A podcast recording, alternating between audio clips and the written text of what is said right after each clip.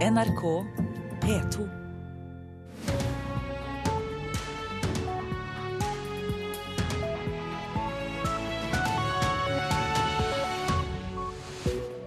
Her i Nyhetsmorgen får du mer om FrPs eldrebyråkrati, som vi nettopp hørte om i eh, Dagsnytt. Andre saker denne morgenen. Flere elbiler i transportsektoren kan være blant de rimeligste miljøtiltakene, viser ny rapport. I dag starter rettssaken i en omfattende overgrepssak mot eh, åtte jenter i Bergen. Og Telemuseets samlinger rundt om i landet kan bli lagt ned. Telenor stanser støtten, og staten har ikke satt av penger. Som vi hørte i Dagsnytt, byråkratiet i forbindelse med FrPs eldreforsøk får en prislapp på til sammen 23 millioner kroner i år og neste år. Det betyr nærmere 4 millioner for hver av de seks kommunene som deltar i forsøket med statlig finansiering av eldreomsorg. Og det er altfor mye, mener altså Arbeiderpartiet og Venstre. Jeg synes det er både prosjektet er håpløst, og jeg synes pengebruken er håpløs. Det sier Venstres helsepolitiske talsperson Kjetil Kjenseth. Helsepolitisk talsperson i Arbeiderpartiet, Torgeir Micaelsen, er heller ikke nådig. Carl I. Hagens kongstanke om eh, statens eh, ansvar for eldreomsorgen har endt opp med et eh, ekstremt byråkratisk prøveprosjekt i regi av Helsedirektoratet. For det er Helsedirektoratet som har forberedt forsøket, og står for administrasjon og evaluering. I år er det satt av 15 millioner kroner til dette. Neste år foreslår regjeringen å bruke 8 millioner. Administrasjonskostnadene disse to årene tilsvarer dermed nesten 1 million kroner per måned, eller nærmere 4 millioner per kommune. FrPs prestisjeprosjekt startet i mai i år og skal gå over tre år. Det skulle egentlig omfatte 20 kommuner, men endte altså opp med bare seks. Dessverre valgte mange kommuner å si nei. Jeg syns det er trist. Sier eldrepolitisk talsperson Bård Hoksrud i Frp. Men til tross for at byråkrati alltid har vært et skjellsord i Frp, forsvarer Hoksrud pengebruken. Alle skjønner at vi ønsker ikke å bruke penger på byråkrati, men når man eh, skal gjøre om endringer, så vil ting koste noe i starten. Men jeg er overbevist om at disse pengene eh, de vil man eh, spare inn på lang sikt. Og ikke minst det aller, aller viktigste, det er nemlig at eldre skal få et godt pleie- og omsorgstilbud. Michaelsen på sin side mener regjeringen bør stanse forsøket. Det er for høye byråkratikostnader. Eh, og det er uansett ikke noe svar på det som eh, de eldre etterspør i kommunene. De vil ha trygghet for det som skjer eh, i hverdagen, og det får man ikke gjennom et sånn type prøveprosjekt. Kjenseth følger opp. Når det er så få med, så får vi ikke den nytteverdien som en skal ved, ved forsøk. Det blir for lite overførbart til andre kommuner. Så jeg ser ikke at det er formålstjenlig å bruke så mye penger på et så lite forsøk. Og det var Katrin Hellesnes som var reporter. I dag kommer Miljødirektoratet med en ny elbilrapport. Den viser at flere elbiler i transportsektoren kan være blant de rimeligste miljøtiltakene. Vi har hatt elbil siden 2005, så over ti år nå faktisk. Peder Senkerud var tidlig ute med elbil. For ham føltes det som et fornuftig økonomisk valg. Og så er det veldig fint med hensyn til miljø som en uh, tilleggseffekt. da. Men uh, jeg tror nok først og fremst at økonomien i det er noe vi tror er gunstig. Da. Og det kan tyde på at elbiler også er et økonomisk fornuftig klimatiltak for Norge. I dag kommer Miljødirektoratet med en ny elbilrapport. Den viser at innfasing av elbiler kan være rimeligere enn andre utredede klimatiltak i transportsektoren, hvis kostnadene knyttet til elbiler fortsetter å gå ned, slik som Miljødirektoratet anslår. Peder Svenkerud håper også neste bil blir elektrisk. Jeg føler at vi har vært sånne veibrytere på elbilfronten. da. Reporter Milana Knesevic. Klima- og miljøminister Vidar Helgesen, god morgen til deg. God morgen. Det skal være et frokostmøte om dette i dag, denne rapporten her. Og mye pent ble sagt i innslaget, og mye pent har blitt sagt om elbilen. Men det er vel fortsatt slik, da, for å ta det motsatte utgangspunktet, at produksjon av elbiler, der er klimautslippene av klimagasser noe høyere enn for konvensjonelle biler fortsatt pga. batteriproduksjon? Det er nok riktig, men det er uansett sånn at produksjonen av biler har forurensningseffekter. Men samlet sett så er det jo ingen tvil om at klimagassutslippene fra elbiler, og med mer effektiv produksjon av elbiler, kommer til å være veldig mye gunstigere. Og vi er veldig glad for at utviklingen går veldig mye raskere enn det vi hadde trodd. Det er rett og slett en kjempesuksess at vi forlenget elbilpolitikken.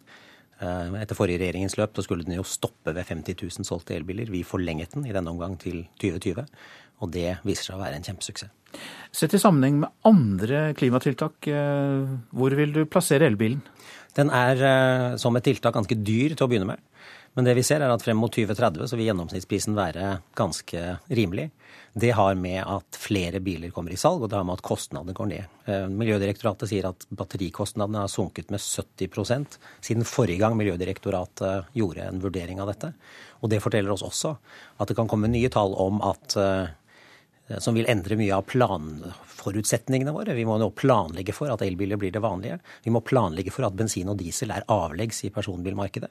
Og det målet vi satte oss i vår, om at det ikke skal selges fossilbiler eh, i personbilmarkedet fra 2025, det viser seg stadig mer realistisk. Dere har altså forlenget disse tiltakene som gjør det gunstigere å kjøpe og ha eh, elbil. Det var til 2020, sa du. Men er det snakk om å fortsette med disse gulrøttene videre? Det denne rapporten eh, forteller oss, er at vi eh, hvis vi forlenger elbilfordelene også utover 2020, eh, så vil det vise seg å være ganske lønnsom, en ganske lønnsom politikk sammenlignet med andre forslag og andre tiltak i transportsektoren. Vi har jo ikke tatt stilling til dette forbi 2020, men den, den, effekten elbilpolitikken har uh, hatt, gjør jo at uh, det er mange gode argumenter for å videreføre det uh, forbi 2020 også. Ja, det er altså gunstige fordeler ved elbiler som gjør at folk kjøper dem. Jeg leste i Dagsavisen i dag da, forresten at der er det da eksperter fra en del organisasjoner som påpeker at dere skriver i statsbudsjettet at avgifter tross alt er det viktigste tiltaket for å få bukt med klimaproblemene, men at dere ikke er villige til å bruke disse avgiftene så mye som dere burde. Hva sier du til den kritikken? Vel, Avgiftsfritaket på elbiler er jo et eh, gedigent avgiftstiltak. Så eh, innfører vi også nå bensin, eller øker vi bensin- og dieselavgift mer enn eh, de rød-grønne noensinne gjorde i løpet av åtte år. Og vi tar også andre avgifter i bruk. Vi øker avgiften på HFK-gasser, den farlige klimagassen som verden like før helgen ble enige om å fase ut. Eh, og vi gjør andre tiltak. Men det er ikke bare avgifter som teller. Vi må ha teknologisatsing. Der satser vi rekordmye. Også på eh, tiltak som går inn mot transportsektoren. For vi skal huske at Selv om elbilpolitikken er en suksess, så er det fortsatt ikke noe elbilgjennomslag i varetransport og tungtransport. Og det blir den neste store jobben. Varetransport og tungtransport. Ok, takk skal du ha, klima- og miljøminister eh, Vidar Helgesen. Så er det på tide å si litt om det avisene skriver om i dag. Nav-klienter kan være dømt til fengselsstraff på feil grunnlag, skriver Dagens Næringsliv. Nav innrømmer at de har oppdaget en alvorlig regnefeil som har ført til at Nav har krevd for mye penger tilbake i et stort antall saker. Og Riksadvokaten skal undersøke denne saken. I noen barnehager kan urolige barn settes fast i sele ved matbordet, og nå etterlyser Fylkesmannen i Vestfold klare retningslinjer. De ber eh, regjeringen om en nasjonal veileder for bruk av tvang og makt mot barnehagebarn, skriver Aftenposten. Og som vi snakket med miljøvernministeren om, avgifter er det beste tiltaket for å få ned klimagassutslipp, skriver regjeringen i forslaget til statsbudsjett. Det er bare synd at regjeringen ikke tør bruke det virkemidlet nok. Det sier forskere ved Senter for klimaforskning, Cicero, og miljøstiftelsen Zero til Dagsavisen. En av fire har opplevd varige familiekonflikter etter arveoppgjør. VG forteller historien til Arvid Engebretsen, som er i en rettstvist med sin avdøde samboers barn, etter et krav om at han må flytte ut fra eiendommen der han og samboeren bodde i mange år. Barnas advokat mener avtalen som ble inngått, ikke er gjort i tråd med arvelovens bestemmelser. Færre sikrer seg faglig påfyll, får vi vite i Klassekampen. Nye tall fra Statistisk sentralbyrå viser at det er 38 000 færre som tar etterutdanning, trass i at regjeringen vil ha omstilling. Oslo-biskop Ole Kristian Kvarme er den eneste av biskopene som har kommunikasjonsrådgiver, får vi vite i Vårt Land. Nå anbefaler han at alle biskoper skal få det samme, for selv sier han at han tidligere er blitt ført ut på glattisen av journalister.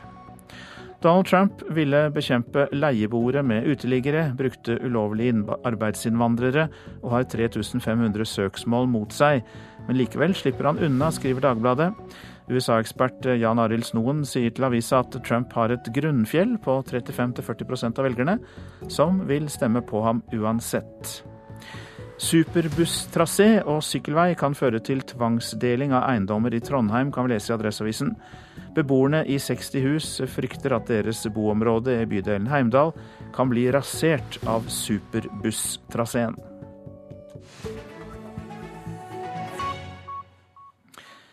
Det er høyst usikkert om både Alexander Kristoff og Edvard Boasson Hagen sykler VM neste år. Forholdet mellom Norges to beste ryttere er ikke det beste etter at Kristoff følte seg sviktet av lagkameraten etter en eh, mislykket og rotete spurt på fellesstart i VM i Qatar i går. Landslagstrener Stig Kristiansen eh, sier at det kan ende med å ta ut bare én av dem til VM. Eh, det er én mulig løsning.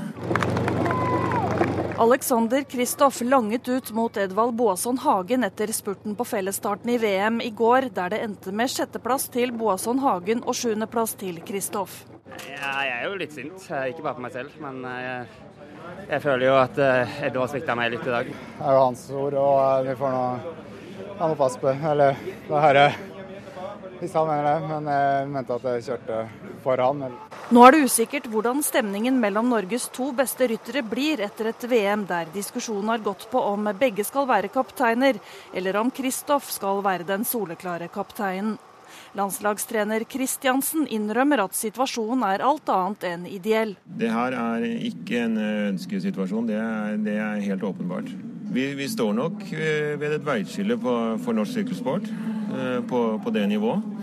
Eh, det er helt dette er jo ting vi, vi får med oss fra Frankrike, Belgia. Altså det, er, det er gjenganger i, i ethvert mesterskap for, for, den type nasjoner. Eh, og vi nærmer oss eh, de samme, samme situasjonen hjemme i Norge. Neste år er det VM i Bergen, et mesterskap som blir å regne for et utstillingsvindu for norsk sykkelsport. Om både Kristoff og Boasson Hagen stiller der, gjenstår å se. Og Hille Liengen var reporter her. Der er klokka kvart på sju. Dette er hovedsaker. En storoffensiv mot Iraks nest største by Mosul er i gang, sier den irakiske statsministeren Haider al-Abadi. Målet er å frigjøre byen fra IS, som har holdt den i over to år. Administrasjonskostnadene for FrPs eldreforsøk i kommunene kommer til å koste 23 millioner kroner i år og neste år. Det er for dyrt, mener Arbeiderpartiet og Venstre. Vi har hørt at flere elbiler i transportsektoren kan være blant de rimeligste miljøtiltakene. Det viser nemlig en ny rapport fra Miljødirektoratet.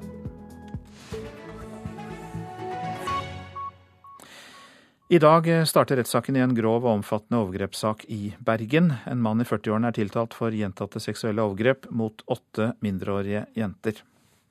Høsten 2013 forteller jenter foreldrene sine hva som har skjedd på overnatting hos ei venninne.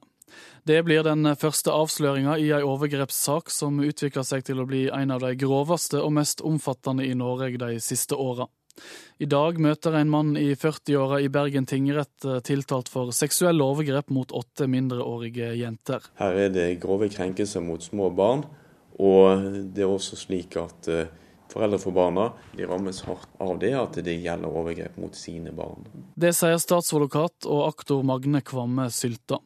De åtte jentene har blitt utsatt for gjentatte overgrep over flere år, når de har vært på overnattingsbesøk hos dattera til tiltalte. Alle var under ti år da overgrepene starta, og dette er ei svært belastende sak for de pårørende. Det sa bistandsadvokat Ellen Eikeseth Mjøs da tiltalen var klar i vår. Det er også tatt ut tiltale for voldtekt for syv av de små barna, idet man Eh, legger til grunn at de har sovet eller vært ute av stand til å motsette seg handlingene. Politiet sikrer seg data og mobilutstyr i etterforskninga av saka.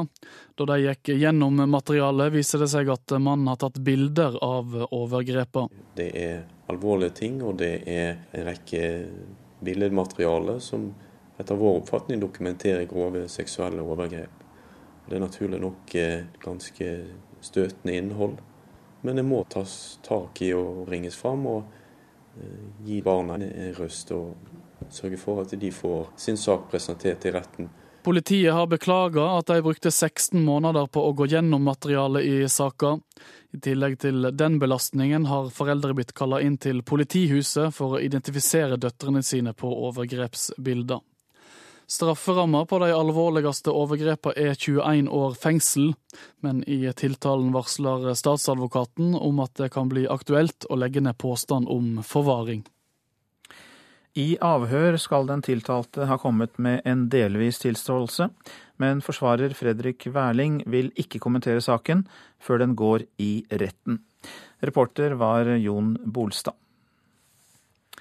Donald Trump fortsetter anklagene om at presidentvalget er manipulert, eller kan bli manipulert og fikset slik at Hillary Clinton vinner.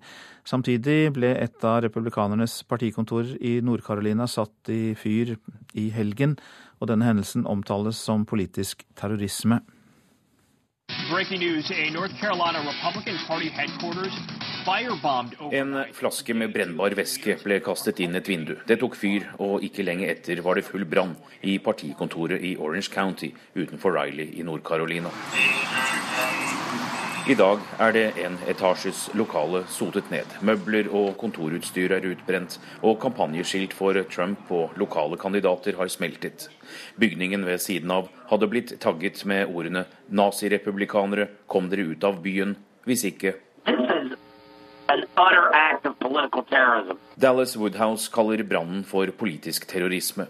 Han har stilt opp på telefonen i flere programmer, mens han som leder av partiet i delstaten har hjulpet etterforskerne på stedet.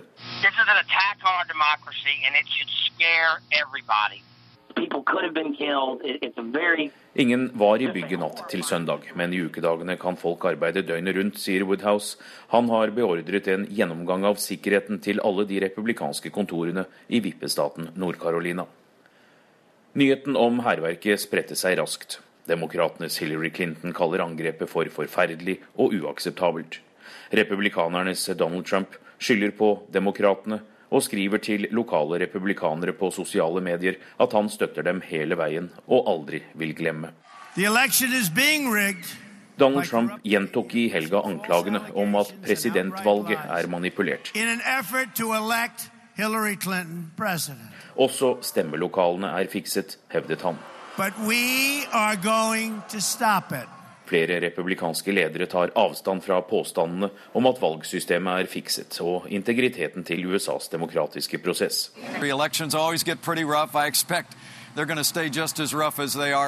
Også hans eh, visepresidentkandidat Mike Pence snakket med NBC i går og forsøkte å tone ned de kontroversielle uttalelsene om valgets rettferdighet, og forsikret om at de to kommer til å godta velgernes dom. We will absolutely accept the results of the election. Look, uh, the American people will speak uh, in an election that will culminate uh, on November the 8th. But uh, the American people are tired uh, okay. of the obvious bias in the national media. That's, that's where the sense of a rigged election goes here. Men uh, timer etter gjentok Trump påstandene på sosiale medier om at mediene og enkelte valglokaler vil manipulere utfallet. Hans støttespillere Newt Gingrich og Rudy Giuliani gikk også ut på fjernsyn og forsterket inntrykket om at det pågår valgfusk. De sa begge at demokratene pleier å jukse, og at de teller stemmesedler fra folk som er døde. Kritikken går mye lenger enn det som har vært vanlig fra republikanske presidentkandidater. Trump kaller valget en eneste stor, stygg løgn, og frykten her er hva som kan komme til å skje dersom Trump taper valget om tre uker. Meningsmålinger sluppet her i helga viser at Hillary Clinton ligger foran med mellom 4 og 11 prosentpoeng nasjonalt.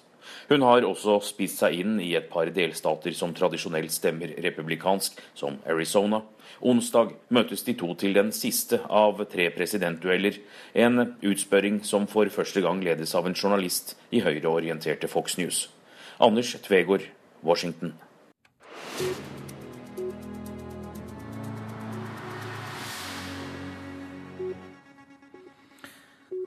Nå om eh, Telemuseets eh, samlinger. De kan bli lagt ned, bl.a. samlingen i den gamle stasjonsbygningen på Kjelsås i Oslo.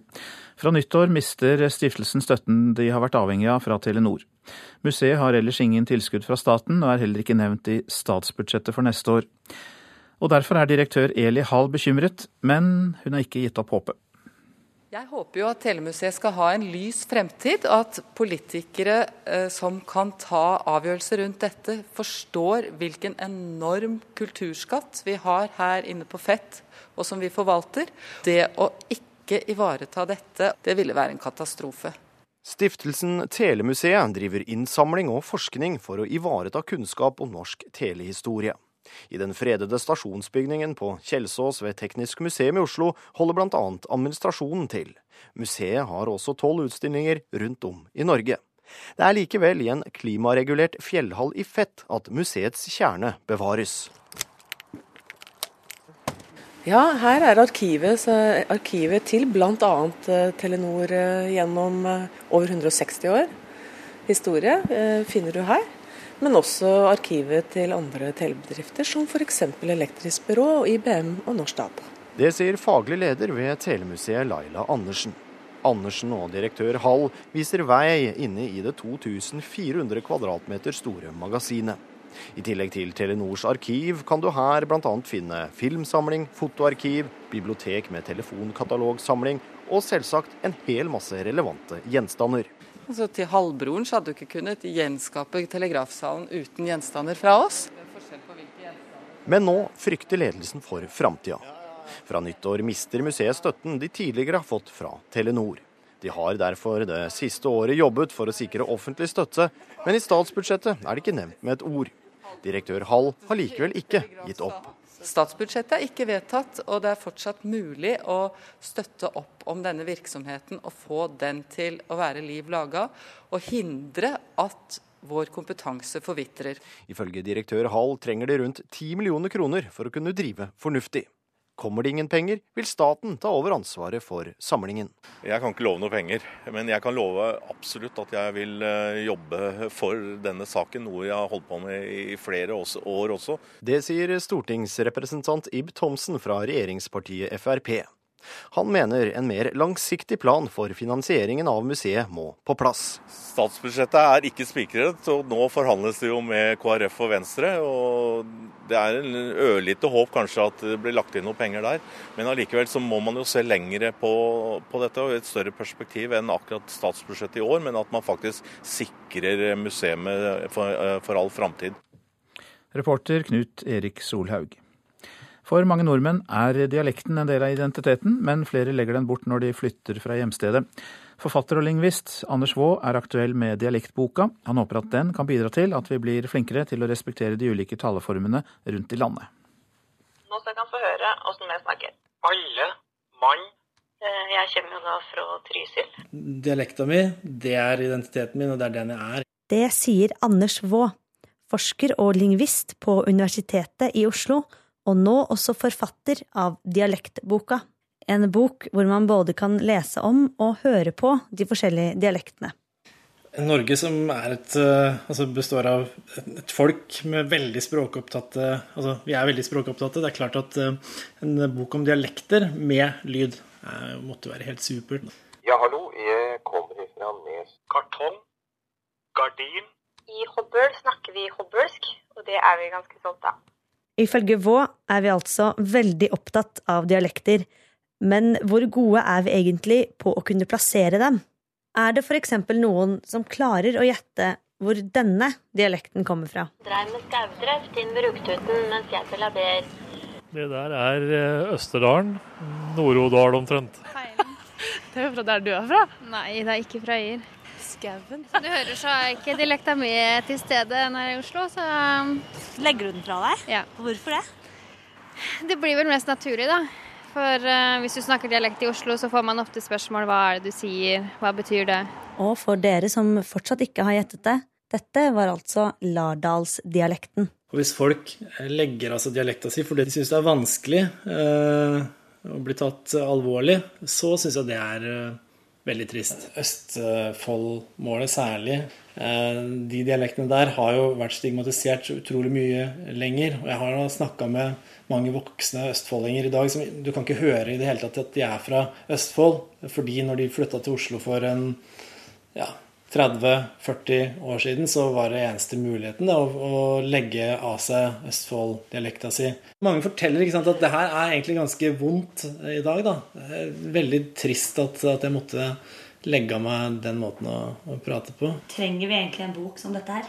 Altså, jeg er veldig opptatt av, av holdninger. Da, og at uh, vi må prøve å liksom, uh, legge fra oss det der uh, med at noen dialekter er bedre enn andre det er kjempeviktig at eh, folk kan få lov til å snakke morsmålet sitt, ikke sant? og ikke ha noen vonde følelser med måten de eh, snakker på.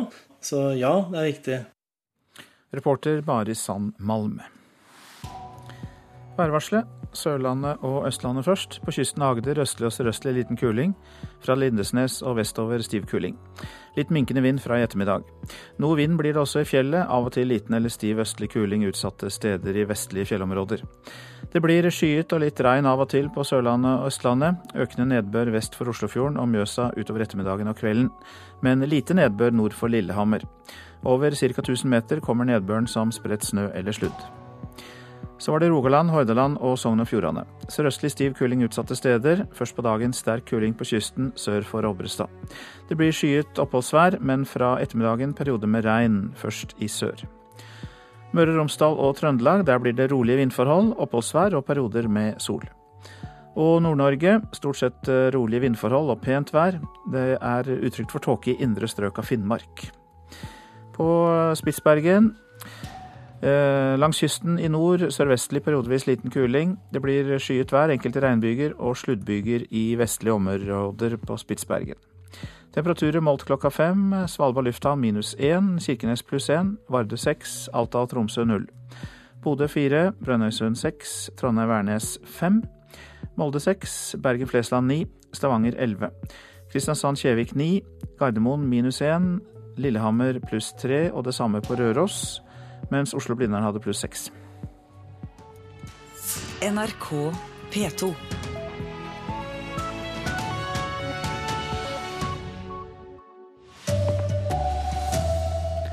Utenlandske kvinner som er gravide med tvillinger, kan komme til Norge for å abortere ett av fostrene. Og Donald Trump fortsetter anklagene om at presidentvalget er fikset, slik at Hillary Clinton kommer til å vinne. Her er NRK Dagsnytt klokka sju.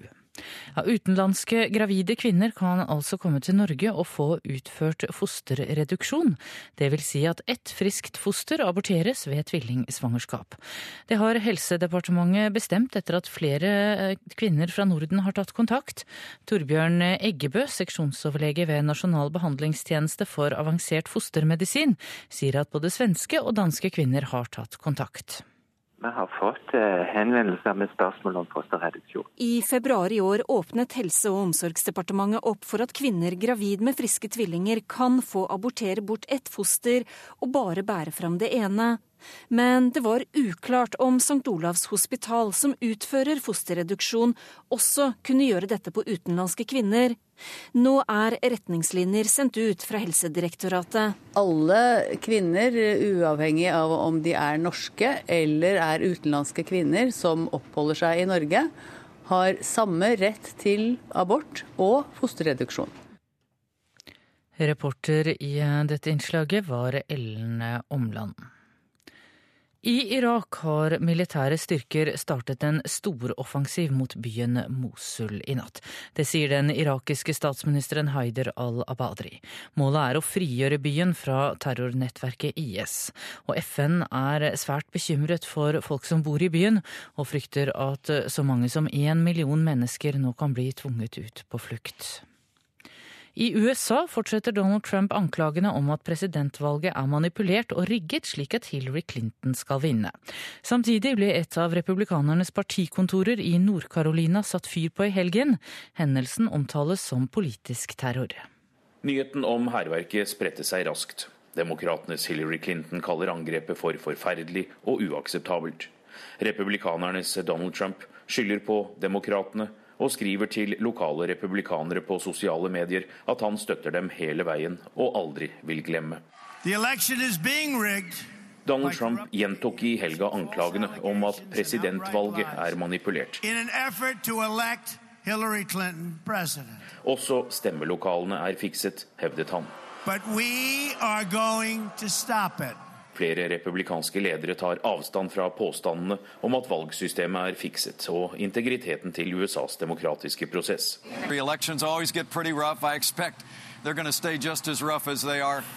Reporter her Anders Tvegård. NRK Dagsnytt, Tone Nordahl. Ja, Kampen for å ta Iraks nest største by fra IS er altså begynt, som vi hørte her. Vi får straks med oss vår Midtøsten-korrespondent. Ved tvillingsvangerskap kan utenlandske kvinner reise til Norge for å få abort på et av fostrene, hørte vi i Dagsnytt. En av skeptikerne til fosterreduksjon kommer hit, professor Ola Didrik Saugstad.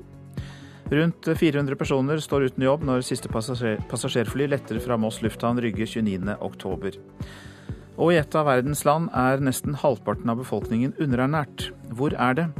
Du får vite det her i Nyhetsmorgen. Ja, Storoffensiven mot Mosul er i gang, mot IS der altså. Den irakiske statsministeren Haider al-Abadi sier det og målet er å frigjøre byen fra IS, som har holdt den i over to år. Korrespondent Kristin Solberg, du er i Irak, følger tett det som skjer. Eh, slaget er blitt beskrevet som det mest avgjørende i Irak siden den amerikanske invasjonen i 2003. Hvorfor sier man det? Ja, Mosul er jo Iraks nest største by, og det er en strategisk viktig by både for IS og for uh, irakske myndigheter, og kanskje aller mest for, uh, for førstnevnte. For uten Mosul så vil vi IS bli betydelig svekket i Irak, for Mosul er den siste store byen de kontrollerer uh, i dette landet. Så dette er avgjørende for Irak, det er avgjørende for IS, og, og dermed, dermed også for verden. Så er det naturligvis symbolikken i dette. altså Det var da IS erobret Mosul i 2014. Det kom kom som et sjokk eh, på mange. Og det var da verden for alvor fikk opp øynene for trusselen som IS eh, utgjør. Og det var også fra Mosul at, eh, at IS-leder Abu Bakr al-Baghdadi først erklærte den islamske staten for opprettet. Hvilke militære styrker er satt inn i offensiven? Ja, De irakske regjeringsstyrkene får støtte av mange aktører. Vi har den amerikanskledede koalisjonen her. De deltar stort sett i en opplærings- og logistikkrolle, men også i form av, av luftangrep. Og så er det mange lokale aktører. Vi har de kurdiske styrkene, peshmerga-styrkene. Eh, det er shia-militser, og det er sunni-arabiske stammemilitser. Men det at det er såpass mange aktører, det kan også vise seg etter hvert å bli eh, noe av problemet. For de ulike aktørene har litt forskjellig oppfatning av sin egen rolle i Mosul-offensiven. Og det pågår også rivalisering mellom flere av dem. Og så har vi hørt at Iraks statsminister sier Mosul vil være erobret innen utgangen av året. Eh, er det realistisk? Ja, Det er ingen som helt vet hvor vanskelig dette vil bli, eller hvor lang tid det vil ta. Et scenario er at eh, IS flykter fra Mosul til Syria. og Derfor så går man også inn mot Mosul med styrker fra tre sider, slik at man ikke omringer eh, byen eh, helt. Men det er nok mindre sannsynlig. Det mer realistiske er at det blir harde gatekamper. At man tar tilbake byen nærmest gate for gate. Og da kan det fort ta en god del tid. Så det vi kan komme til å se, er at irakske styrker erobrer deler av byen, men at IS holder ut eh, en god stund i andre deler. Fra Irak eh, hørte vi deg. Takk skal du ha, Kristin Solberg, eh, vår Midtøsten-korrespondent. Denne helgen har USA og Russland sittet i møter for å løse floken i Syria. Også utenriksministrene fra Tyrkia, Iran, Saudi-Arabia, Qatar og Jordan var til stede. For USA og andre stormakter er dragkampen om Syria bare et maktspill, men for Tyrkia har krigen i nabolandet store konsekvenser. Det sier en tyrkisk kommentator til NRK. Han mener USA bør behandle Tyrkia bedre. What happens in Syria and what happens in Iraq is of much greater immediate concern to Turkey uh, than to the United States. For the United States, this is part of a global power game. Det som skjer i Syria har langt større konsekvenser for Tyrkia enn for USA, sier Ilter Turan, professor i statsvitenskap og internasjonal politikk. Tyrkia deler tross alt en 90 mil lang grense med et Syria i full krig det gjør ikke USA. The United States, particularly before the elections, wants to score some sort of an achievement. For USA er spillet om Syria og Irak bare et maktspill og et forsøk på å skåre poeng i presidentvalgkampen, mener Turan, som har studert og undervist i USA i mange år. Tyrkia merker flyktningstrømmen på en helt annen måte enn USA. Og om terrorgruppene styrker seg i Syria og Irak, er det Tyrkia som rammes av det, ikke USA. Om slaget om Mosul i Irak skaper en ny flyktningstrøm, kommer den hit. Uh, when you have, for example, a huge wave of refugees coming into Turkey, the United States is not affected, but Turkey is very much affected. Tyrkia på sin side har gradvis måttet endre sin Syria-politikk. Da oppstanden mot Bashar al-Assad begynte i 2011, støttet Tyrkia opprørerne fullt ut. Nå har regjeringen i Ankara måttet innse at kravet om Assads avgang ikke lenger er realistisk. The Turkish government, difficult as it has found it, has been changing its position. Assad var ikke så svak som Tyrkia trodde, for han fikk støtte fra stormaktene Iran og Russland, sier professoren fra Bilgi-universitetet i Istanbul. Now, may become a part of a transitional process. So, Så fra å kreve at president Assad måtte gå, er Tyrkias regjering nå innstilt på å se Assad som en del av løsningen, ifølge Turan. Dette er en posisjon russerne er for, siden de støtter Assad politisk og militært. Og russerne synes mye mer interessert i en løsning i Syria enn USA, mener professoren. Nå står presidentene Putin og Erdogan langt nærmere hverandre enn presidentene Erdogan og Obama. Men at Nato-landet Tyrkia har et langt bedre forhold til Russland nå enn sin Nato-allierte USA, er det bekymringsfullt? YPG. Vi er mest bekymret for USAs samarbeid med YPG, altså den kurdisk-syriske militsgruppen som nå kontrollerer store områder nord i Syria, ved grensen til Tyrkia. Tyrkia ser den kurdiske YPG-militsen som terrorister og en forlenget arm av fienden PKK. At USA har valgt YPG-kurderne som sine allierte i kampen mot IS, skaper sinne og harme i Ankara. The United States might well consider uh, its own position as to how it's treating Turkey. USA bør tenke på hvordan de behandler Tyrkia nå, mener, ja nesten advarer, professor Ilter Toran. Og det var eh, korrespondent i Istanbul, Sissel Wold, som rapporterte.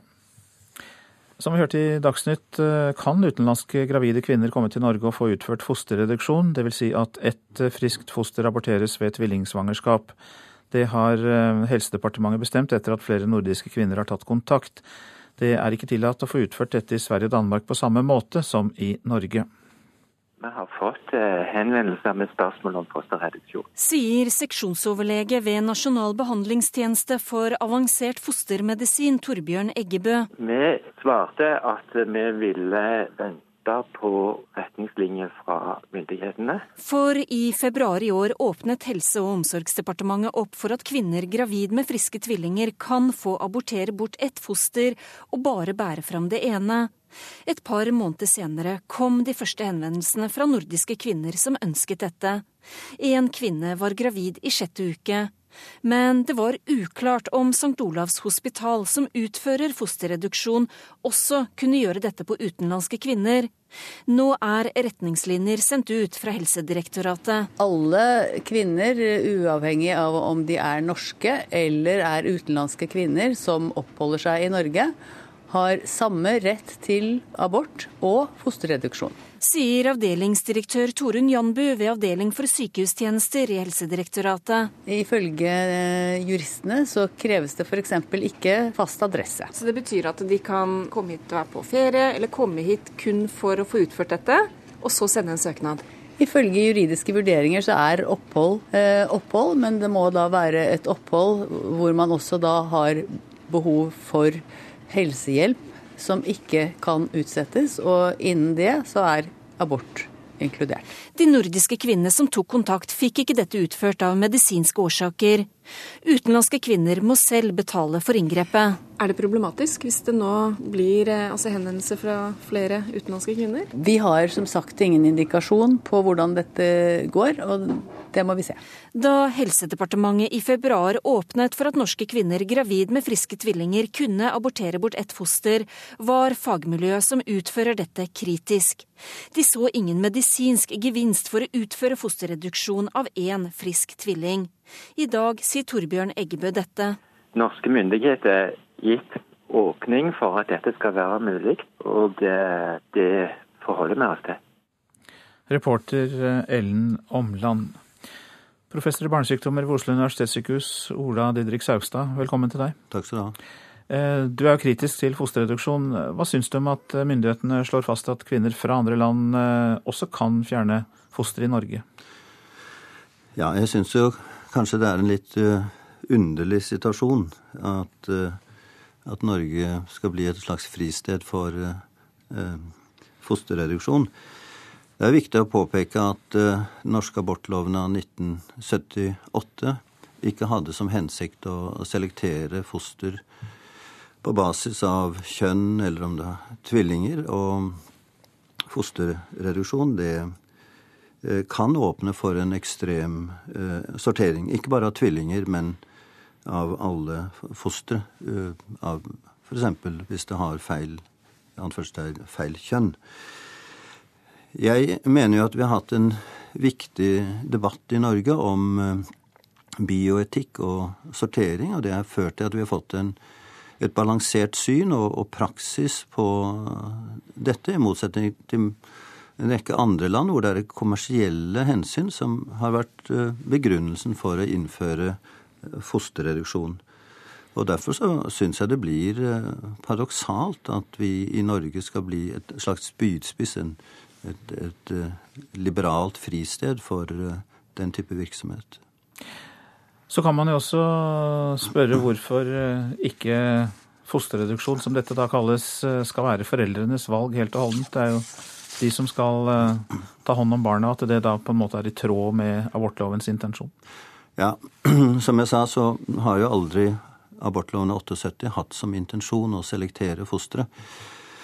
Og moral det er jo ikke bare en kalkyle av plikter og rettigheter. Og i de eh, årene jeg har vært med og vært opptatt av disse spørsmålene, vært med i debatten, så har jeg vært opptatt av hva slags samfunn eh, vi skal ha. Og eh, hva gjør en slik praksis med vårt syn på relasjoner generelt, og, spesielt da i forhold til tvillinger. Vi må være klar over at en slik eh, praksis med f.eks. tvillingreduksjon, det eh, representerer en betydelig belastning på tvillinger generelt, og spesielt da på gjenlevende eh, tvillinger. Og så åpner det, som jeg sa, for en ekstrem sortering av egenskaper. Og dette må vi ha lov til å diskutere. Det er viktig at vi diskuterer dette. Du brukte også begrepet at Norge kunne bli et fristed sammenlignet med andre land. Hvordan eh, er praksis da i Norge sammenlignet med de andre nordiske? Nei, Jeg har ikke full oversikt over eh, alle de andre nordiske land, men i Sverige eh, så har man jo ikke noe lov, lover om dette. De er i grunnen i samme situasjon som oss. Det jeg vet fra Sverige, er at de er svært restriktive når det gjelder tvillingreduksjon. Det er helt bare spesielle tilfeller. Og jeg var i kontakt med svenske kollegaer i går kveld som kan fortelle at altså, fosterreduksjon gjøres kun tre steder i Sverige. I Stockholm, Göteborg og Lund. Og i Stockholm-regionen så er det da færre enn ett tilfelle i året hvor eh, man utfører fosterreduksjon på friske tvillinger. Så noe stort eh, problem er det jo ikke i dag, og forhåpentligvis så blir det heller ikke det i fremtiden. Takk skal du ha, professor i barnesykdommer ved Oslo universitetssykehus, eh, Ola Didrik eh, Saugstad. Dette er Nyhetsmorgen, og eh, klokka har passert 7.17. Vi har disse hovedsakene. En storoffensiv mot Iraks nest største by, Mosul, er i gang, sier den irakiske statsministeren Haider al-Abadi. Målet er å frigjøre byen fra IS, som har holdt den i over to år. Flere elbiler i transportsektoren kan være blant de rimeligste miljøtiltakene. Det viser en ny rapport fra Miljødirektoratet. Og vi har hørt at eh, utenlandske gravide kvinner kan komme til Norge og få utført fosterreduksjon. Dvs. Si at et friskt foster aborteres ved tvillingsvangerskap. Og eh, professor Ola Didrik Saugstad, som nettopp gikk ut av studio, var skeptisk til dette. Han vil ha en debatt om denne praksisen.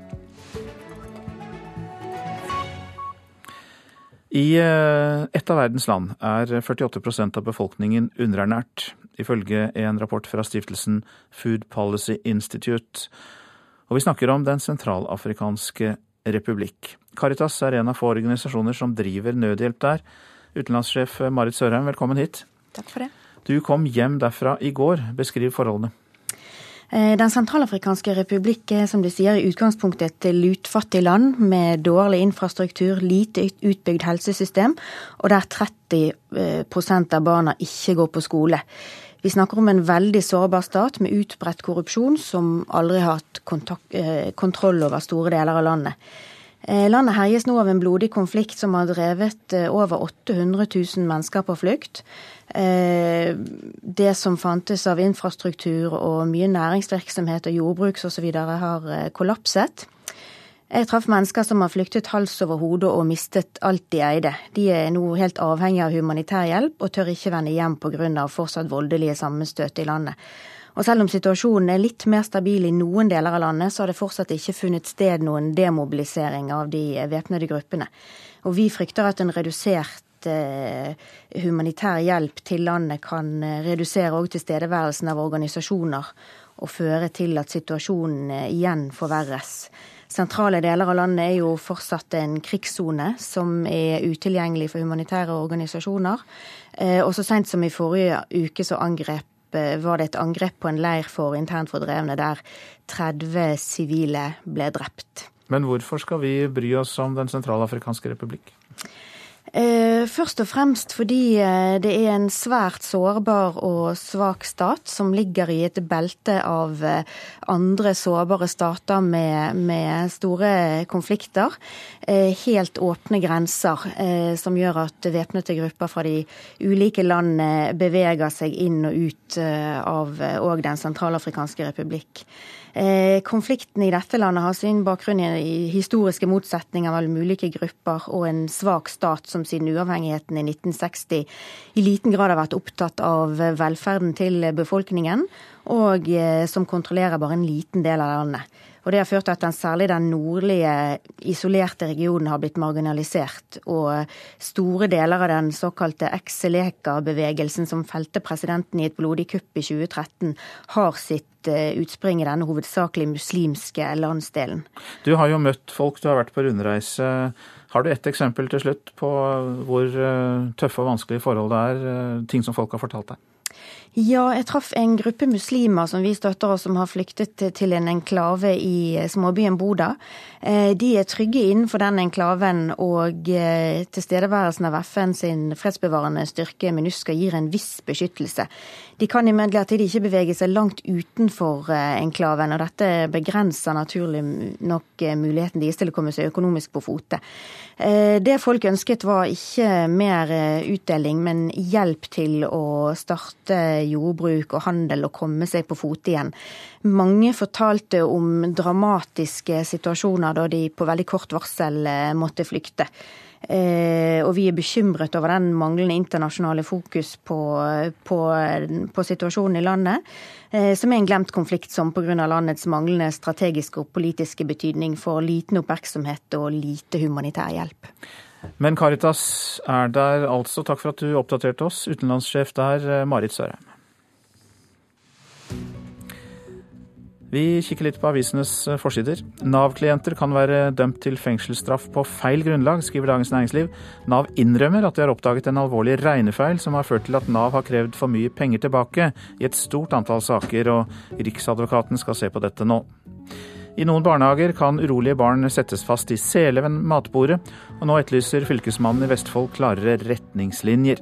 De ber eh, nemlig eh, regjeringen om en veileder, nasjonal veileder for bruk av tvang og makt i barnehager, skriver eh, Aftenposten.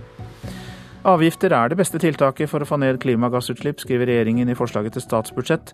Det er bare så synd at regjeringen ikke tør bruke det virkemidlet, sier forskere ved Senter for klimaforskning, Cicero, og miljøstiftelsen Zero til Dagsavisen. En av fire har opplevd varige familiekonflikter etter arveoppgjør. VG forteller historien til Arvid Ingebrigtsen, som er i rettstvist med sin avdøde samboers barn. De krever at han må flytte ut av eiendommen der han og samboeren bodde i mange år. Barnas advokat mener at avtalen som ble inngått, ikke er i tråd med arvelovens bestemmelser.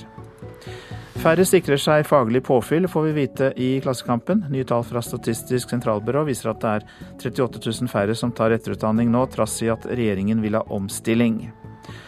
Oslo-biskop Ole Kristian Kvarme er den eneste av biskopene som har kommunikasjonsrådgiver, forteller Vårt Land. Nå anbefaler han at alle biskoper skal få det samme, for selv sier han at han eh, tidligere er blitt ført ut på glattisen av journalister. Donald Trump vil bekjempe leieboere med uteliggere. Han ville det da i eiendomsselskapene altså brukte ulovlige arbeidsinnvandrere og har 3500 søksmål mot seg. Men slik, likevel slipper han unna, skriver Dagbladet. USA-ekspert Jan Arild Snoen sier Trump har et grunnfjell på 35-40% av velgerne, som vil stemme på ham uansett. Superbusstrasé og sykkelvei kan føre til tvangsdeling av eiendommer i Trondheim, kan vi lese i Adresseavisen. Beboere i 60 hus frykter at deres boområde i bydelen Heimdal blir rasert av superbusstraseen. Rundt 400 eh, personer står uten ny jobb når siste passasjerfly letter fra Moss lufthavn Rygge 29.10. Både Nav og Arbeidsforskningsinstituttet ved Høgskolen i Oslo og Akershus mener det er eh, gode utsikter til å få arbeid, men det blir likevel krevende for dem. Det har 53 år gamle Evy Tovås fått merke.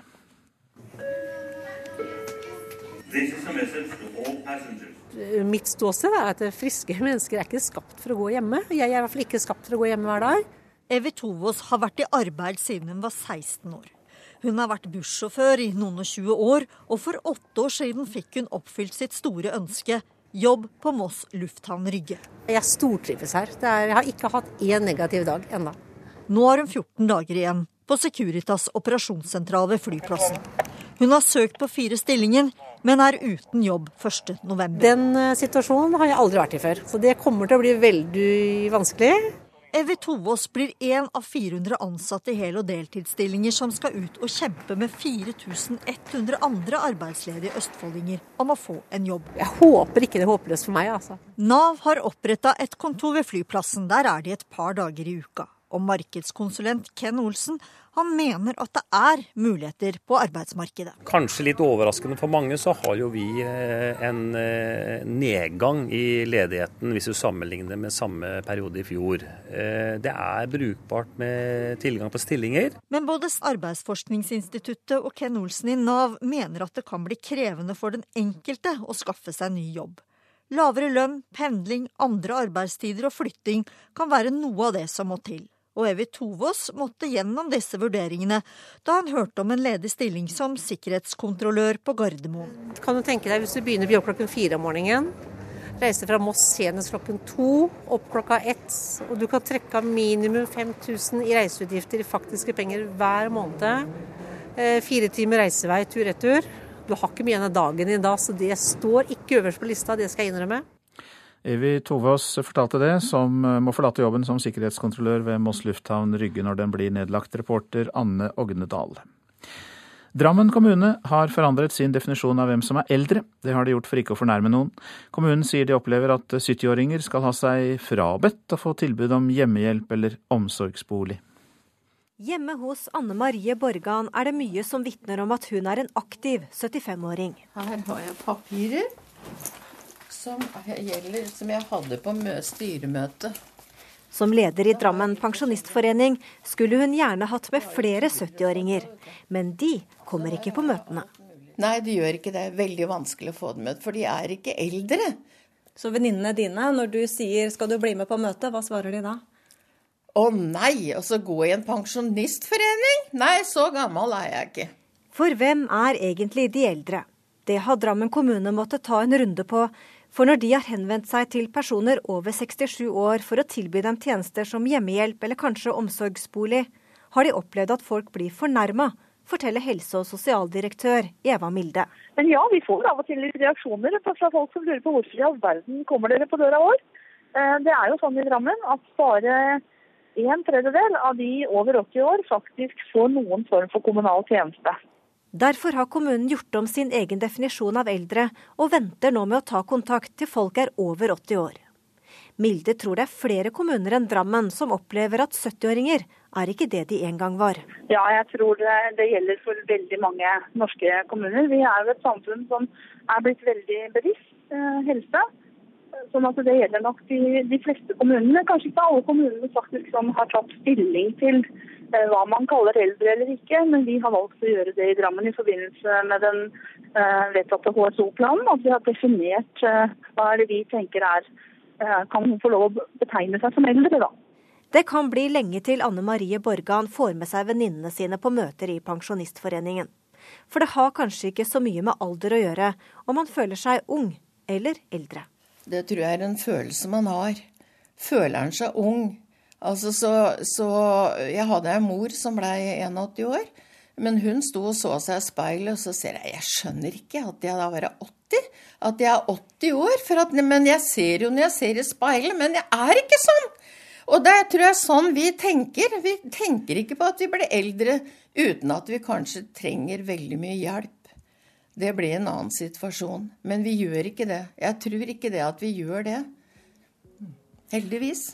Litt om uh, følelsen av alder der hørte vi fra Anne Marie Borgan til reporter Benedikte Fjelly. Det er Nyhetsmorgen du lytter til. Kari Bekken Larsen er produsent. Her i studio Øystein Heggen.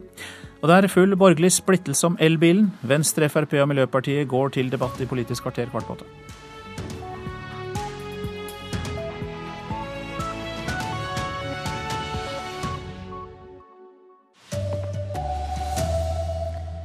Amerikanske og irakiske styrker har startet angrep på Mosul. Målet er å drive IS ut av byen.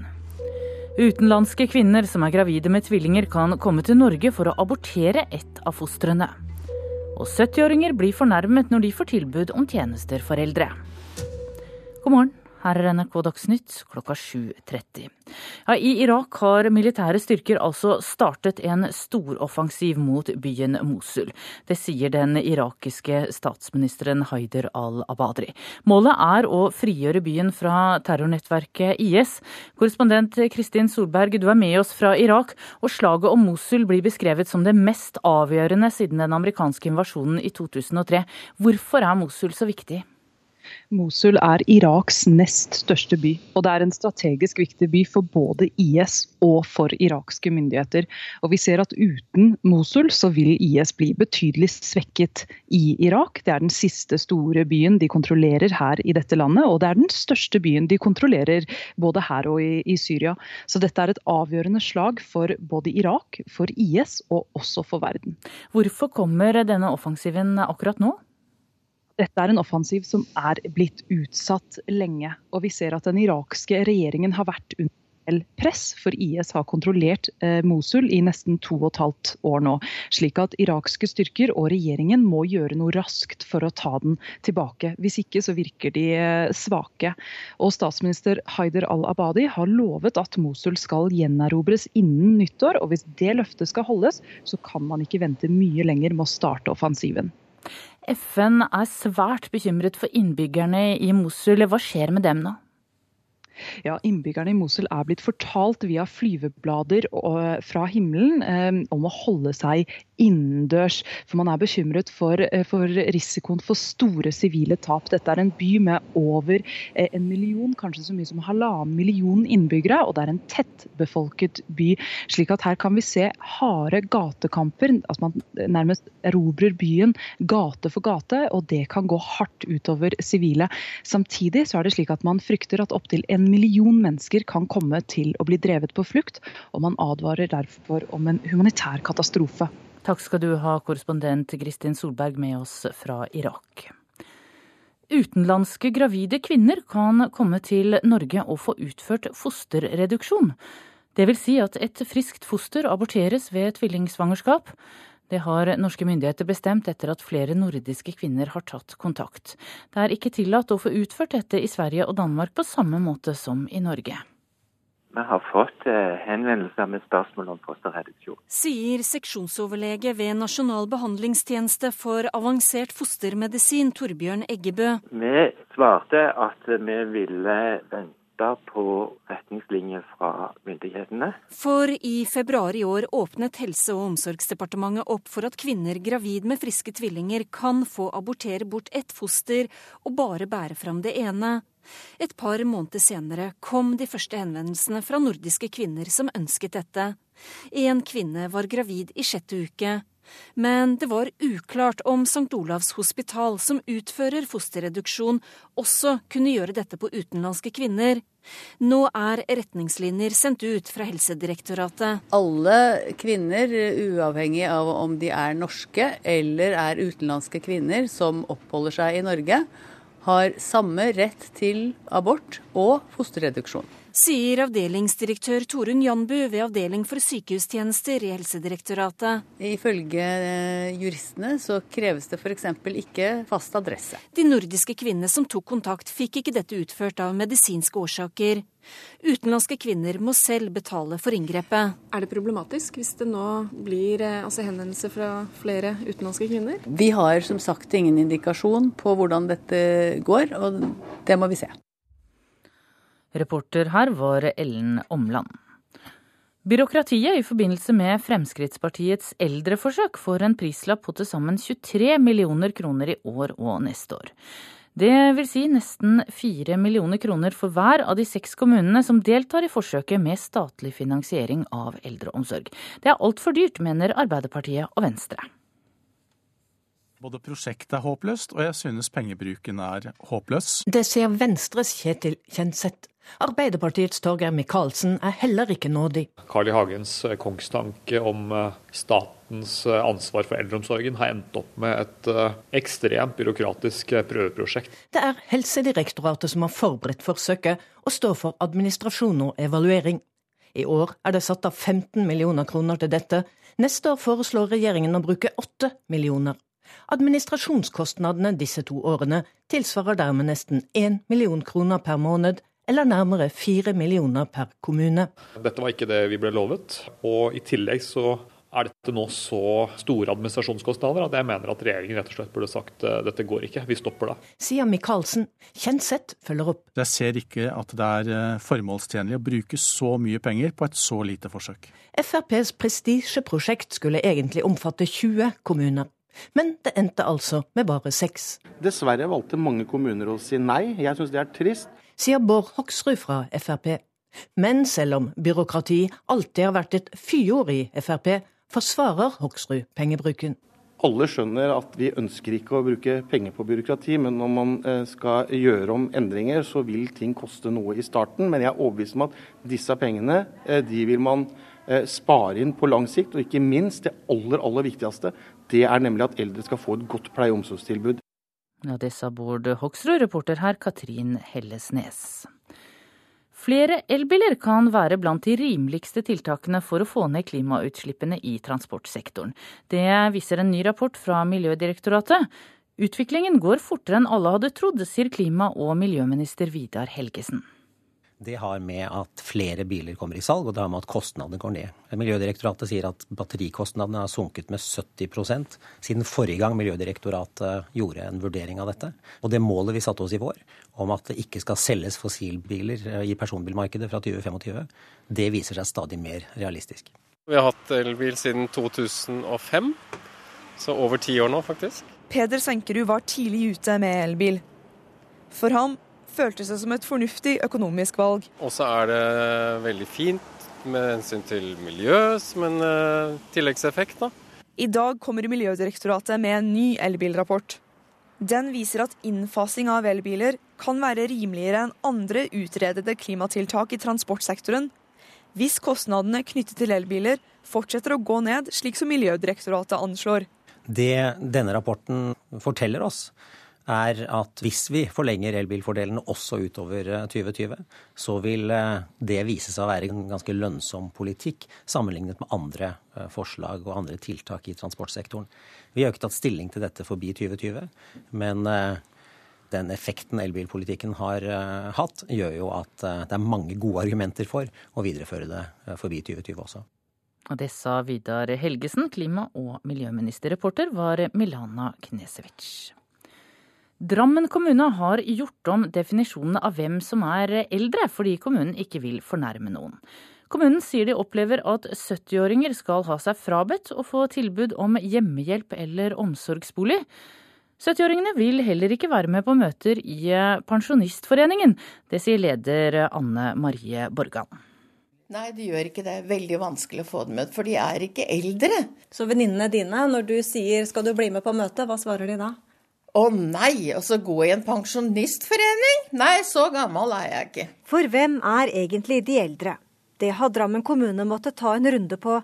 For når de har henvendt seg til personer over 67 år for å tilby dem tjenester som hjemmehjelp eller kanskje omsorgsbolig, har de opplevd at folk blir fornærma forteller helse- og sosialdirektør Eva Milde.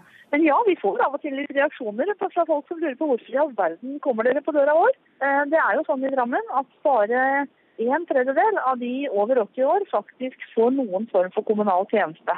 Derfor har kommunen gjort om sin egen definisjon av eldre, og venter nå med å ta kontakt til folk er over 80 år. Det kan bli lenge til Anne Marie Borgan får med seg venninnene sine på møter i Pensjonistforeningen. For det har kanskje ikke så mye med alder å gjøre om man føler seg ung eller eldre. Føler han seg ung? Så jeg hadde en mor som ble 81 år. Men hun sto og så seg i speilet, og så ser jeg jeg skjønner ikke at jeg da var 80. At jeg er 80 år. At, men jeg ser jo når jeg ser i speilet, men jeg er ikke sånn! Og det tror jeg er sånn vi tenker. Vi tenker ikke på at vi blir eldre uten at vi kanskje trenger veldig mye hjelp. Det blir en annen situasjon. Heldigvis. Reporter i dette innslaget var Benedikte Fjelly. Ansvarlig for Dagsnytt i dag, Anne Skårseth. Her i studio, Tone Nordahl.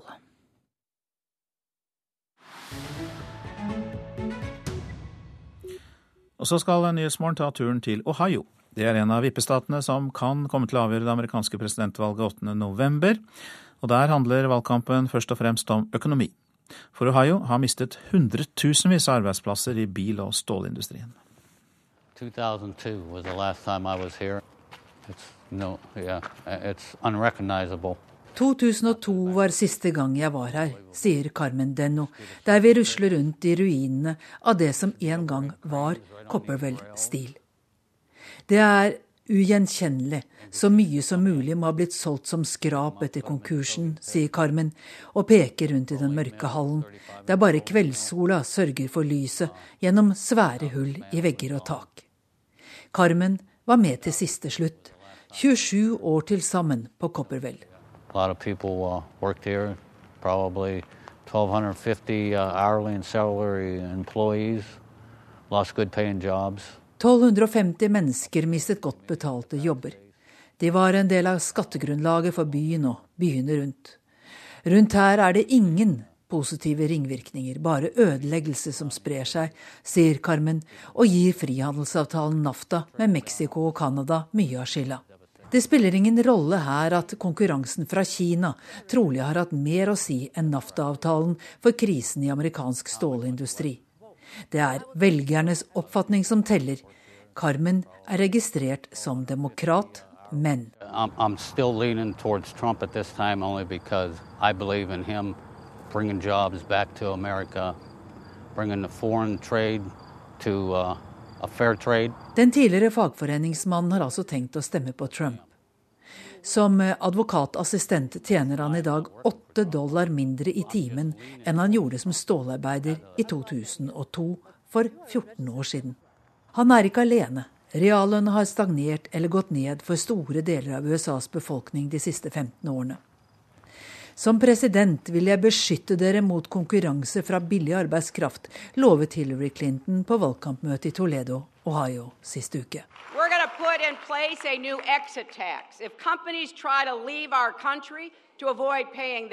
share, Vi vil innføre en ny skatt, lovet Clinton. Selskaper som forsøker å forlate landet for å unngå å betale sin rettferdige andel, som forsøker å erstatte amerikanske arbeidere med billig arbeidskraft ute, vil måtte betale tilbake alle skattefordeler de noen gang har mottatt. På den republikanske grasrota er nei til frihandel en stor sak. We can't import everything in here many times dumping and below cost that cost workers their jobs. Vi kan ikke importere alt mulig. Mange ganger dumpes det varer til under produksjonskost.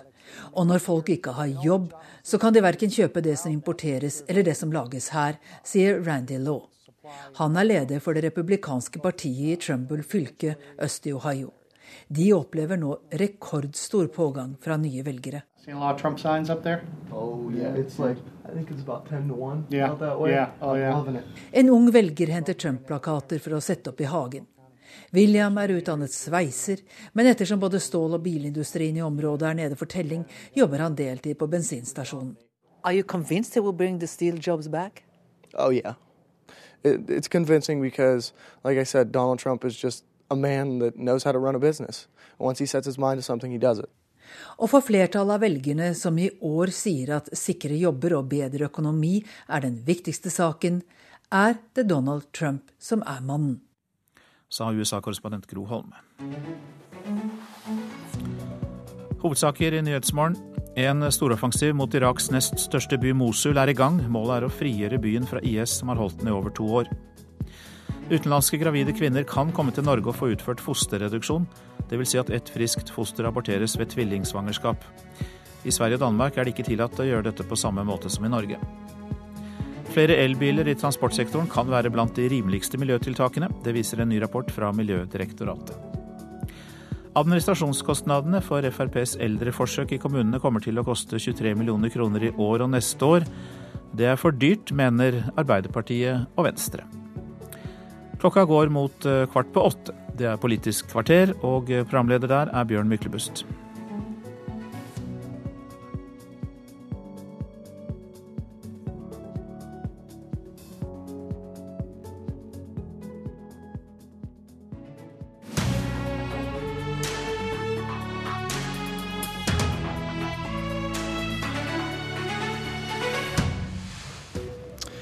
Lei av krangel om bilavgifter. Du går en tung høst i møte. Nå krangler de borgerlige om noe de var enige om. Elbilavgiftene. For regjeringen vil gjøre det dyrere med elbil og billigere med bensinbil. Grønt skifte. Et skifte svart som tungolje, sier Venstre. Men hva har Venstre skrevet under på? Ola Elvestuen, nestleder i Venstre, velkommen til Politisk kvarter. På toppen av uenigheten om bensinavgiften kom det i helgen frem hva regjeringen vil gjøre med elbilavgiftene fremover. I 2018 bør årsavgiften for å ha en elbil økes med 1500 kroner. Samtidig som årsavgiften for bensin- og dieselbiler senkes med 300 kroner. og Dette bygger på en borgerlig avtale fra 2015. Og Elvestuen, hvorfor mener du dette er et brudd på den avtalen? Nei, Det er jo den helheten som den avtalen jo bygger på. og det er At vi skal ha en fullstendig omlegging av bilparken i Norge. I etterkant av den enigheten så har vi også vedtatt på Stortinget at alle, null, alle, biler som selges fra 2025, eh, så godt som alle, må være nullutslippskjøretøy. Og denne avtalen ligger også at vi skal følge opp Parisavtalen, og vi skal bruke avgiftene for å nå den.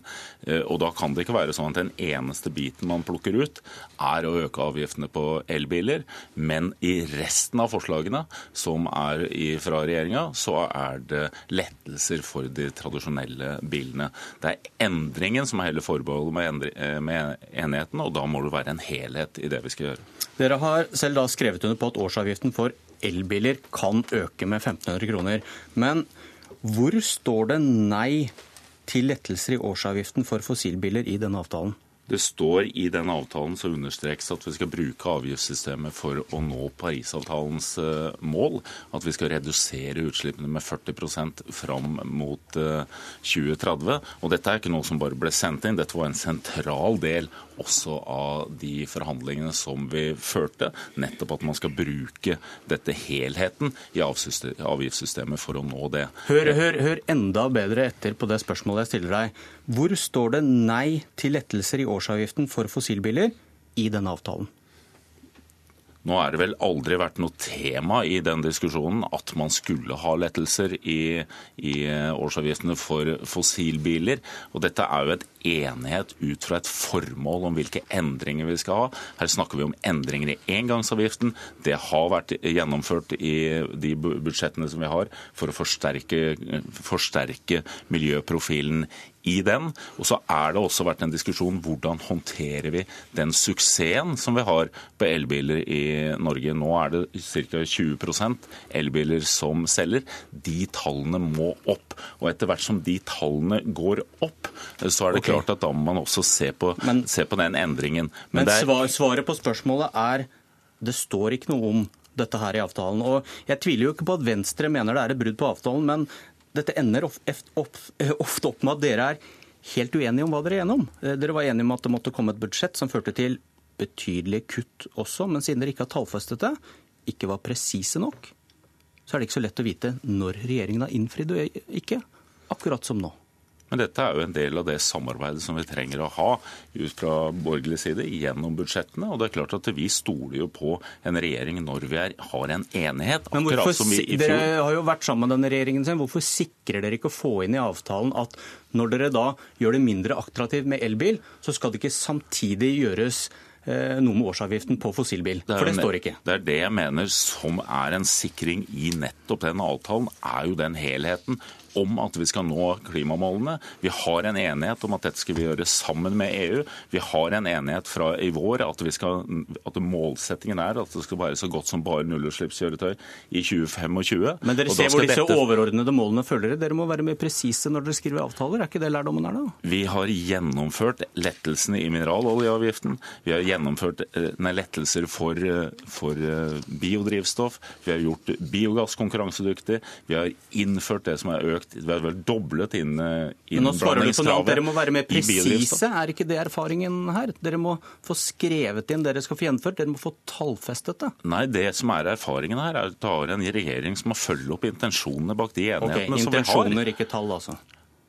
Det er jo begge deler, men vi en, når vi har en enighet, så må det være en tillit også mellom de partene som lager denne enigheten, om at man skal følge opp og gjennomføre i fellesskap de målsetningene som vi setter off. Og Da går det ikke an, som i dette forslaget, at du plukker ut én bit som handler om avgiftsøkninger på elbiler, mens du har lettelser på de andre. Hans Andreas Limi, finanspolitisk talsmann i Fremskrittspartiet. Dere har skrevet under på at bilavgiftene skal gå i klima- og miljøvennlig retning. Hvordan bidrar det å senke årsavgiften til, for fossilbiler til dette? Ja, Fremskrittspartiet og regjeringen følger opp den enigheten vi etablerte om bilavgiftene for et drøyt år siden. Eh, en rekke punkter. Eh, alt er eh, implementert, og det ser vi at har også påvirket nybilsalget i riktig retning. Nå er vi på verdenstoppen i salget av lavutslippsbiler. Uh, andelen dieselbiler har blitt uh, halvert, og bensin har ikke økt tilsvarende okay. fordi det er lavutslipp. Nå ber jeg også deg det... høre nøye etterpå hva, hva, det er jeg spør om. Dere har skrevet under på at bilavgiftene skal gå i klima- og miljøvennlig retning. og Hvordan bidrar det det å senke årsavgiften på bensin- og dieselbiler til dette? Det som står i den avtalen fra i fjor, det er bl.a. at eh, elbilene også skal betale eh, årsavgift. Den skal eh, opptrappes med full årsavgift i 2020. Alle de andre avgiftsfordelene for elbilene ligger fast og er faktisk forlenget ut ifra det som Men nå spurte jeg da om fossilbiler, hvordan det bidrar til dette overordna målet. Så er det jo da slik at vi vet at for Venstre så er det veldig viktig Eh, å få gjennomslag for en økning i bensin- og, bensin og dieselavgiften. Uh, og Det har vært en forutsetning for at de kan støtte et budsjett, et statsbudsjett. og Derfor har regjeringen lagt frem en pakke som inneholder en forsiktig økning på bensin og diesel. Men for å kompensere det, som også er en del av budsjettforliket fra i fjor, så er det lagt inn lettelser bl.a. i årsavgiften og på bompengene. Så det er altså en sektorvis veksling i tråd med det vedtaket som Stortinget gjorde i fjor høst. Men er du uenig i at det å senke årsavgiften på fossilbiler ikke bidrar til å dra avgiftene i klima- og miljøvennlig retning, da? Alt det vi gjør på avgiftssiden, på bilsiden, bidrar nettopp til å fremme salget av null- og lavutslippsbiler. Og politikken virker, for det ser vi av, av de salgstallene som vi har tilgjengelig både for 2015 og for 2016. Så vi drar det altså i miljøvennlig retning. Selv det å gjøre det billigere med fossilbiler? Men årsavgiften er noe du betaler helt uavhengig om du kjører langt eller kort. Altså, Men det er vel et insentiv for hva slags bil du velger, hvor mye utgifter du har? Jeg tror det er et ganske ubetydelig i forhold til de avgiftsfordelene du har fortsatt på elbiler. Du har momsfritak, og du betaler ikke engangsavgift. Så de er enorme. Nå er det jo ikke noe poeng for Venstre seg selv å ha opp avgifter. Det som er viktig, er jo at vi skal ha reduserte utslipp. Og de, det vet vi at hoveddelen av de utslippskuttene vi har, må være i transportsektoren. Og virkemidlet må være bruk av avgiftssystemet. Og så syns jeg det er forunderlig når jeg møter Fremskrittspartiet og snakker om avgifter, at det eneste avgiften man virkelig har et engasjement for å få opp, er avgiftene som er på de miljøvennlige alternativene. Og det kan ikke være sånn at det eneste man legger vekt på, er å få opp avgiftene Men på det har du jo skrevet under på, disse 1500 kronene som det blir dyrere å ha elbil. Det har du skrevet under på, Elvestuen? Vi har skrevet under på at du har en helhet som skal ha en endring. Akkurat som vi hadde en enighet i fjor om at når regjeringen legger fram sitt statsbudsjett, skal man synliggjøre at avgiftssystemet skal føre til reduserte utslipper, utslipp og CO2-utslipp. Og det er det virkelig ingenting i dette budsjettet, i den helheten som er der, som gjør. Fordi man lager større lettelser enn det man har avgiftsøkninger. Men det, men det er jo faktisk ikke riktig, da. For du, når du ser på hvordan utslippene fra transportsektoren utvikler seg, og spesielt når du ser det i forhold til nye biler som selges nå, så er jo det en dokumentasjon på at den politikken som gjennomføres nå, den, den gir resultater. Og Det betyr altså at miljøvennlige biler og sikre biler har blitt rimeligere og mer tilgjengelige for folk flest. Og det benytter de som er i markedet for å kjøpe ny bil seg av. Men hvilke initiativ er det her som har kommet fra regjeringen? Alle de endringene vi har gjort når det gjelder øke innblanding av biodrivstoff, når det gjelder å gjøre det konkurransedyktig, ta vekk avgifter på biodrivstoff, gjøre biogass okay. konkurransedyktig. Rasmus Hansson, vent litt, vent litt, dere, mine herrer. Og fått inn. Nei, nå må du vente. Vi har med oss Rasmus Hansson, Miljøpartiet De Grønne. Hvorfor sitter disse to og krangler? Ja, Det kan man virkelig undre på, for de har jo også eh, sammen med resten av Stortinget forpliktet seg til å kutte 40% øh, utslipp i denne transportsektoren og noen andre sektorer innen 2030. Og det er ganske enkelt å regne ut hva det betyr. Det betyr at i 2017 så må det kuttes 800 000 tonn. Uh, og det må det gjøres i 2018 og alle år fram til uh, 2030. Men det er, jo, har... det det Venstre kjemper for her? Nei, det er ikke det Venstre kjemper for. De vil det sikkert gjerne. Men problemet er altså for det første at nå har vi en blå-grønn regjering som i løpet av tre år ikke har kuttet noe som helst. og så får vi et statsbudsjettforslag fra Høyre og Frp som også Venstre kritiserer som en ren provokasjon. Det vil si at Høyres og FrPs skrekk for Venstres miljøkraft den er ganske beskjeden. Og så har vi altså ingen konkrete tall. Vi krangler fortsatt, eller Regjeringen og støttepartiene krangler fortsatt om hva betydelige kutt er. De krangler om virkemidler for å få bil, bilutviklingen i riktig retning. Og det er altså så lite konkret og så lite forpliktende det samarbeidet. Hva kunne, Venstre, er, hva, hva kunne, Venstre, ha gjort for å unngå den debatten ja, Venstre, vi har i dag? Da? Det Venstre måtte ha gjort, det er jo det samme som vi for så vidt har gjort med Arbeiderpartiet i Oslo. Det er å være mye mer konkret på hvilke utslipp som skal kuttes. Vi vet altså at det er 800 000 tonn som skal kuttes i 2017. Vi vet at Utviklingen, vi vet at utviklingen i bilparken må være i økende grad i disfavør av uh, fossilbiler. Og vi vet at Miljøpartiet De Grønnes forslag om å øke bensin- og dieselprisene betydelig, fem kroner, og dele de pengene ut igjen til folk i en klimabelønningsordning, okay. det vil føre til disse kuttene. Og det er den typen tiltak denne regjeringen må diskutere, og det er den typen tiltak ja, Som Oslo-beboer Oslo så er vel det jeg merker av De Grønne sine forhandlinger i Oslo, er vel at kollektivprisene skal økes. Så denne renheten tror jeg man skal være forsiktig med at man, at man skal melde. Dette får er at du slutter å bruke Elvestuen, for ja, det er det som skjer. Det er det som skjer, og det handler om hvem som sitter i forhandlinger. Og Venstre vil sitte som ikke klarer å kutte utslipp i regjering, så snakk om det, Elvestuen. Ja, nå er vi nå ikke i den regjeringen, men vi lager eh, budsjett, og vi skal inn i budsjettforhandlingene denne gangen også. Og er veldig bevisst på at, få, at det er de enkeltvedtakene som du må gjennomføre for å få dette til. Hvor si mye dette, utslipp vil Venstre si, kutte i årets budsjett? Vi skal ha 40 ned fram til 2030. Hvor mye vil dere kutte neste år? I 2017? I året, med årets Nei, budsjett? Nei, jeg mener faktisk at det er 2030-tallene vi nå må ha for å komme ned til 40 Er ikke det som er problemet med norsk klimapolitikk? At Nei, det alltid handler om noe som skjer om 12 du, 15 og 20 år? Fordi du skal ha en omstilling. Du skal ha en skatteveksling, og du skal ha med deg et næringsliv som det også du, men da må du, du begynne å kutte en gang. Du skal år på å ikke kutte. Jo, du skal ha med deg et næringsliv som også skal uh, ha dette. og Da må du bruke til tider så må du sette tidsfrister. Akkurat som vi nå har gjennomført sånn at du kan sette, du har en, sette frist for når taxibransjen skal være nullutslipp. Men hva skal kuttes neste år? Vi har satt et mål når kollektivtrafikken skal være nullutslipp 2025. Vi har sagt at i 2025 så må alt nybilsalget være nullutslipp. Det er de målsetningene vi skal følge. Og Da følger vi opp det som, er, det som også er Miljødirektoratet sine anbefalinger.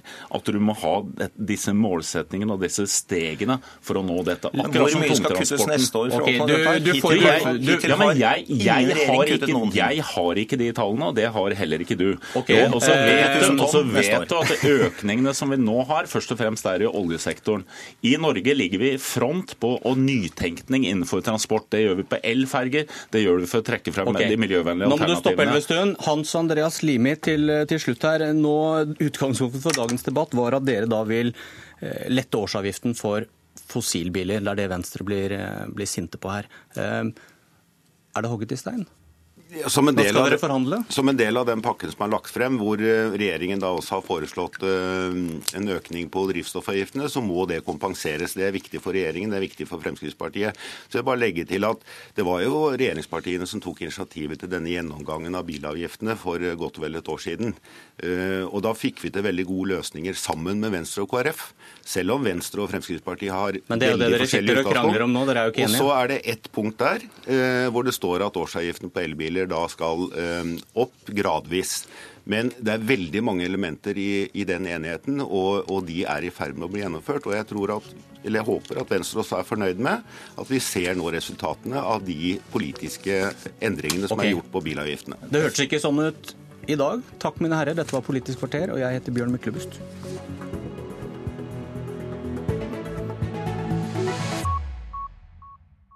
Hør flere podkaster på nrk.no podkast.